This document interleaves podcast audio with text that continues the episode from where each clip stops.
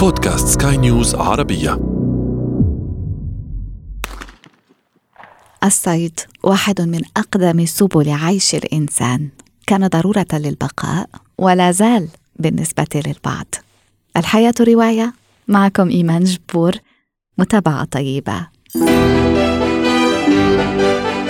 الحياة رواية.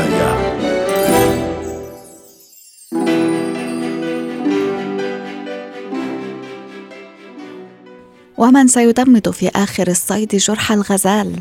على رأي الشاعر المصري أمل دنقل صفحات عن الصيد البري. رغم صغر حجمها تحمل هذه الرواية بداخلها قوة عجيبة. تحمل خفة الهواء ونقاء الثلج وانحدار الجبال وعذرية المرتفعات وصمت العزلة الشامخة. تمضي الرواية مثل خطى تخترق الثلج أو خشب يحترق على نار مشتعلة.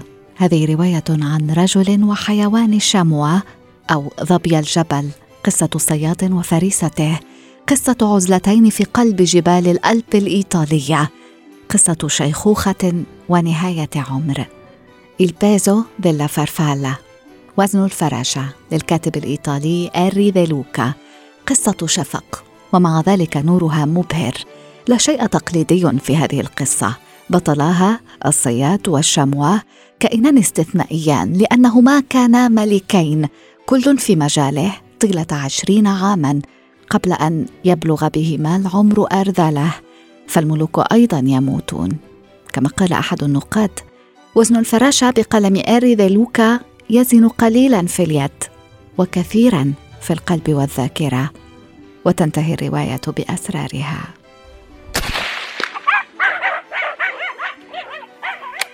هذا المؤلف يضم 25 قصة نشرت في البدء على أجزاء متقطعة بين عامي 1847 و 1874 مذكرات صياد.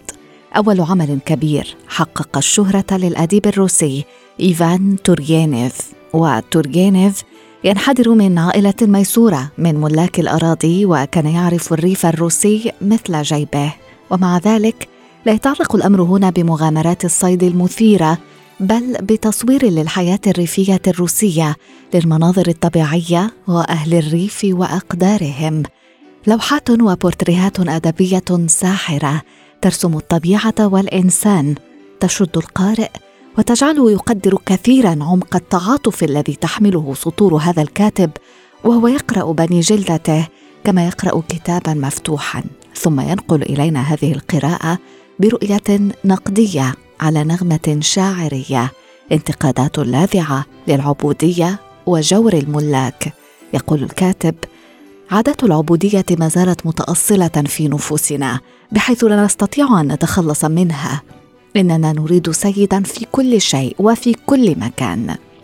يقال إن هذا المؤلف ساهم بشكل كبير في إلغاء العبودية في روسيا على غرار رواية جون ستاينبيك عناقيد الغضب التي كان لها فضل في إرساء إصلاحات اجتماعية كبرى في الولايات المتحدة وإنقاذ الملايين من المعوزين من المجاعة. تورجينيف دفع ثمن ذلك. عام 1852 عندما سجن لمدة شهر قبل أن يوضع تحت الإقامة الجبرية وتفرض الوصاية على ممتلكاته. لم يستأنف نشاطه الأدبي إلا بعد أكثر من عام على ذلك. يستدير الليل ببطء. يتردد بين ضبط النفس الدقيق لرقصة كوريغرافيا والحسن المتأصل في الإيماء. بسط مثالي للأطراف والعضلات. مشهد من تربص صياد بفريسته كما جاء في رواية La Tentation ويمكن أن نترجمها بالرغبة للكاتب الفرنسي لوك لونغ فرانسوا شخصية رئيسية في الرواية جراح ناجح في الخمسينات من عمره. يهوى الصيد يحب المطاردة والقدرة على القتل حتى وإن كان لا يريد الاعتراف بذلك. في إحدى خرجات الصيد من نزوله في جبال الألب يصادف أيلا مهيبا كان سيضيفه إلى قائمة صيده لولا لحظة تفكير وانبهار بالحيوان. أخطأ على إثرها الهدف. أصابه ولم يقتله. وفي اللحظة التي كان يجب أن ينهي حياته يقرر معالجة جرحه فيحمله في شاحنته الصغيرة إلى كوخ الصيد. ستكون عطلة نهاية الأسبوع مليئة بالأحداث العائلية والتقلبات غير المتوقعة. قصة الرواية مؤثرة ولغتها مثيرة للاهتمام. وصف الكاتب لطقوس الصيد والجراحة دقيق جدا وينم عن خبرة في المجال. والصيد شغف مغامرة ذات أوجه متعددة. قبل أن يصير هواية في معظم الحالات اليوم كان ضرورة للبقاء في العصور الماضية. نستضيف السيد أويس محمود الذي يحكي لنا عن مغامراته مع الصيد البري وأمور أخرى. هو بالنسبة للصيد بدايته بتعتبر إن هو أصلا كانت في العصور القديمة إن هو كان أسلوب حياة أصلا للبقاء يعني. تمام؟ كانوا يصطادوا للأكل والبقاء يعني على قيد الحياة حاليا طبعا بقت عبارة عن هواية فهي بتبقى حاجة في زي ما بنقولوا في الدم كده شوية. الواحد الصياد ده أصلا بيبقى هاوي الحاجة دي وبيحبها فيبدا يسعى لها ويبدأ يصطاد. ما بقتش حاليا ما بقتش اللي هي مثلا عشان البقاء على الحياة لا بقت اللي هي حاجة ترفيهية. الواحد بيعمل حاجة بيحبها يعني كهواية. شخصيا أنا من سكان المدن مش من سكان الصحراء لكن أنا شخصيا بحبها. يعني هي نشأت جوايا كده بدون بدون بدون مقدمات يعني. فكنت ببحث بقى عن الصيد البري وببحث على أماكن الصيد البري والكلام ده. عملت بحث الأول وبعدين بدأت إيه أتواصل عن طريق مواقع التواصل أو غيره أتواصل مع ناس مثلا في, في أماكن صحراوية في أماكن الصيد ان هم بيبقوا أهل خبرة في المكان الصحراوي ومكان الصيد يعني وبدأت أتعلم من بعض الصيادين القدامى اللي هم في الخبرة في الصيد وبدأت أخش معاهم في مجال الصيد. دي يعتبر كبداية أو نشأة الصيد بالنسبة لي أنا شخصيا. وبتبقى دايما هي بتبقى مثلا معظم الصيادين بيبقى اللي هم مثلا في الصحراء أو في أماكن متواجد الصيد. سكان المدن بيبقى ما بيروحلهاش غير اللي هو عنده شغف الصيد دوت أو الحب للصيد دوت بيبدأ يتجه لها وبيبدأ يعاني شوية عشان يوصل إن هو يبقى صياد كويس فدول اللي هم سكان المدن. الممارسة دي أو هواية الصيد اللي هي في الدم حاجة كده سبحان الله ربنا بيبقى خالقها في الشخص بيبقى عنده ميول لشيء معين. بدأت أبحث عنها لأ ما عنديش حد في العيلة أو ما ورثتهاش أو غير كده. ده شخصيتي لكن في طبعا صيادين كتير بتبقى توارث يعني بيبقى واحد وارثها عن والده عن جده الكلام ده. أنا بالنسبة لي لا هي جت بدون مقدمات. بدأت أنا أشوف مثلا أبحث عنها أقرأ عن كتب الصيد أقرأ مش بدأت أبحث عنها وأبدأ أتجه لأماكن الصيد وبقعد مع ناس خبرة في الصيد وبدأت أخش. بالنسبة لي الهواية ديت أسلوب حياة. يعني من غير الصيد وطلعات الصيد أنا مش موجود.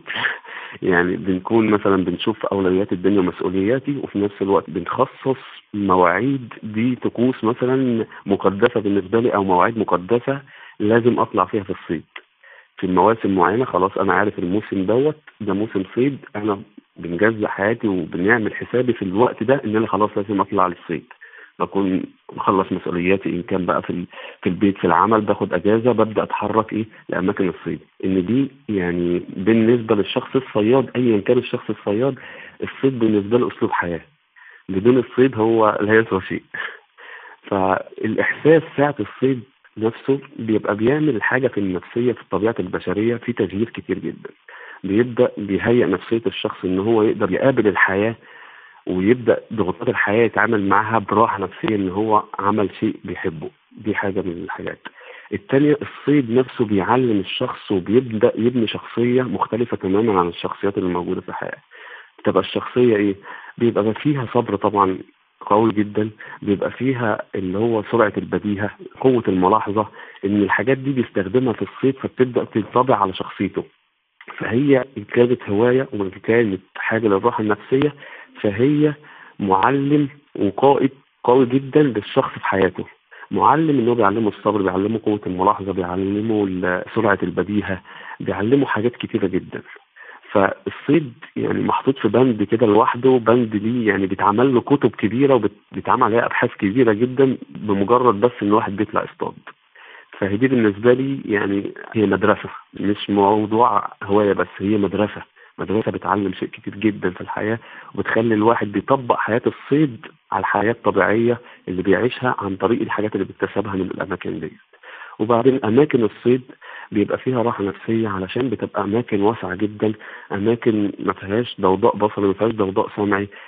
بيبقى يعني بتأثر بالإيجاب جدا على حياة الصياد في حياته الشخصية وفي بقية حياته. يعني.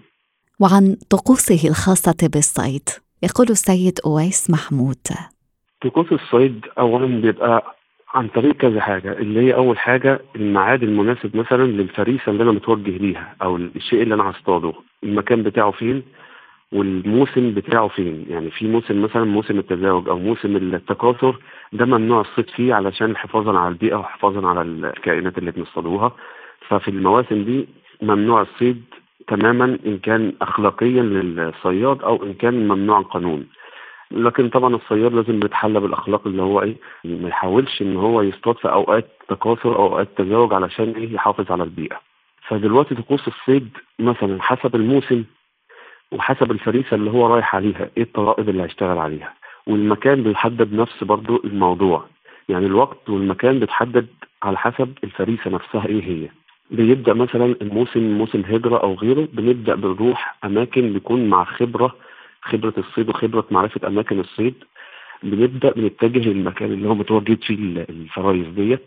وبيبقى طبعا 90% لو حد من المدن لازم بيكون حد معاه من أهل الصحراء من أهل المكان اللي هم بيكونوا عندهم خبرة في المكان كتضاريس. وبيبدأوا كصحبة صيد وبتاع يتوجهوا مع بعض المكان الايه الصيد.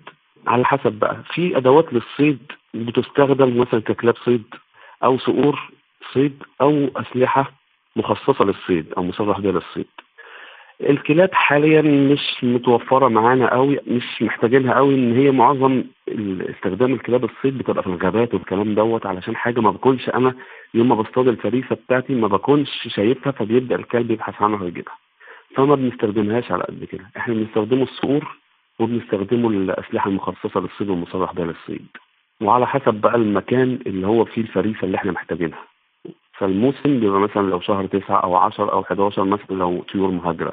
في أماكن للصيد الأرانب البرية في أماكن لكل حاجة يعني لل... فالحاجة المستخدمة بالنسبة لنا في الصيد إن كان سلاح مخصص بالصيد مصرح بيه أو إن كان الصقور. بنبدأ نتوجه مثلا على حسب الشهر وحسب الموسم بنبدأ نتوجه لمكان الصيد اللي إحنا عايزينه على حسب إحنا طالعين لإيه. كان معنا من مصر السيد أويس محمود نشكره جزيلا على مشاركته معنا وأشكركم مستمعينا الكرام على طيب إصغائكم. كنت معكم إيمان جبور وفي الإخراج نارت شابسوخ الحياة رواية.